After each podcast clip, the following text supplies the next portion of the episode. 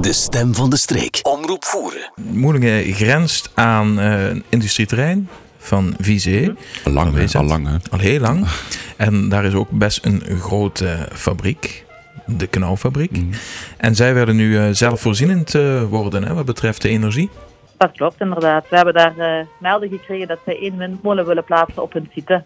Ja, dus ja, ja, ja, ja, dat, ja goed, eh, he- heel, heel goed eigenlijk, heel positief dat eh, zo'n Mhm. eh, redelijk grote fabriek toch zegt van we zelfvoorzienend eh, worden. Maar eh, ja, het heeft ook wel weer ja, een, een schaduwzijde, hè? want eh, zo'n windmolen, dat is niet voor iedereen zo positief. Ook niet voor de mensen die net aan deze kant van de grens wonen. Of Eh, valt dat toch wel mee?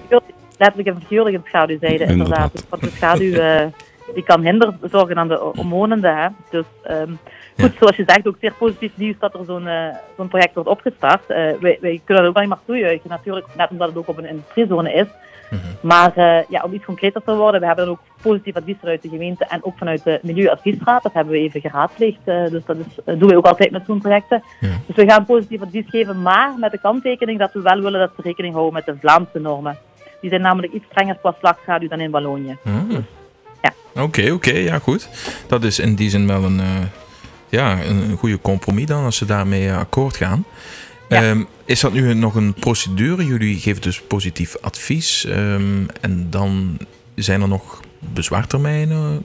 Eh, tot eind maart kan iedereen nog bezwaar indienen, inderdaad. Dus iedere betrokkenen kan dat nog doen tot eind maart. Ik meen 27 of 28 maart, de datum precies ontsnapt mij nu even. Mhm. Maar goed, dat is na te kijken. Hè. Dus als dat iemand nog wil doen, dan haast je. Wacht niet te lang. Nee, en die, informatie is ook te vinden op de website van eh, de gemeente, voeren.be.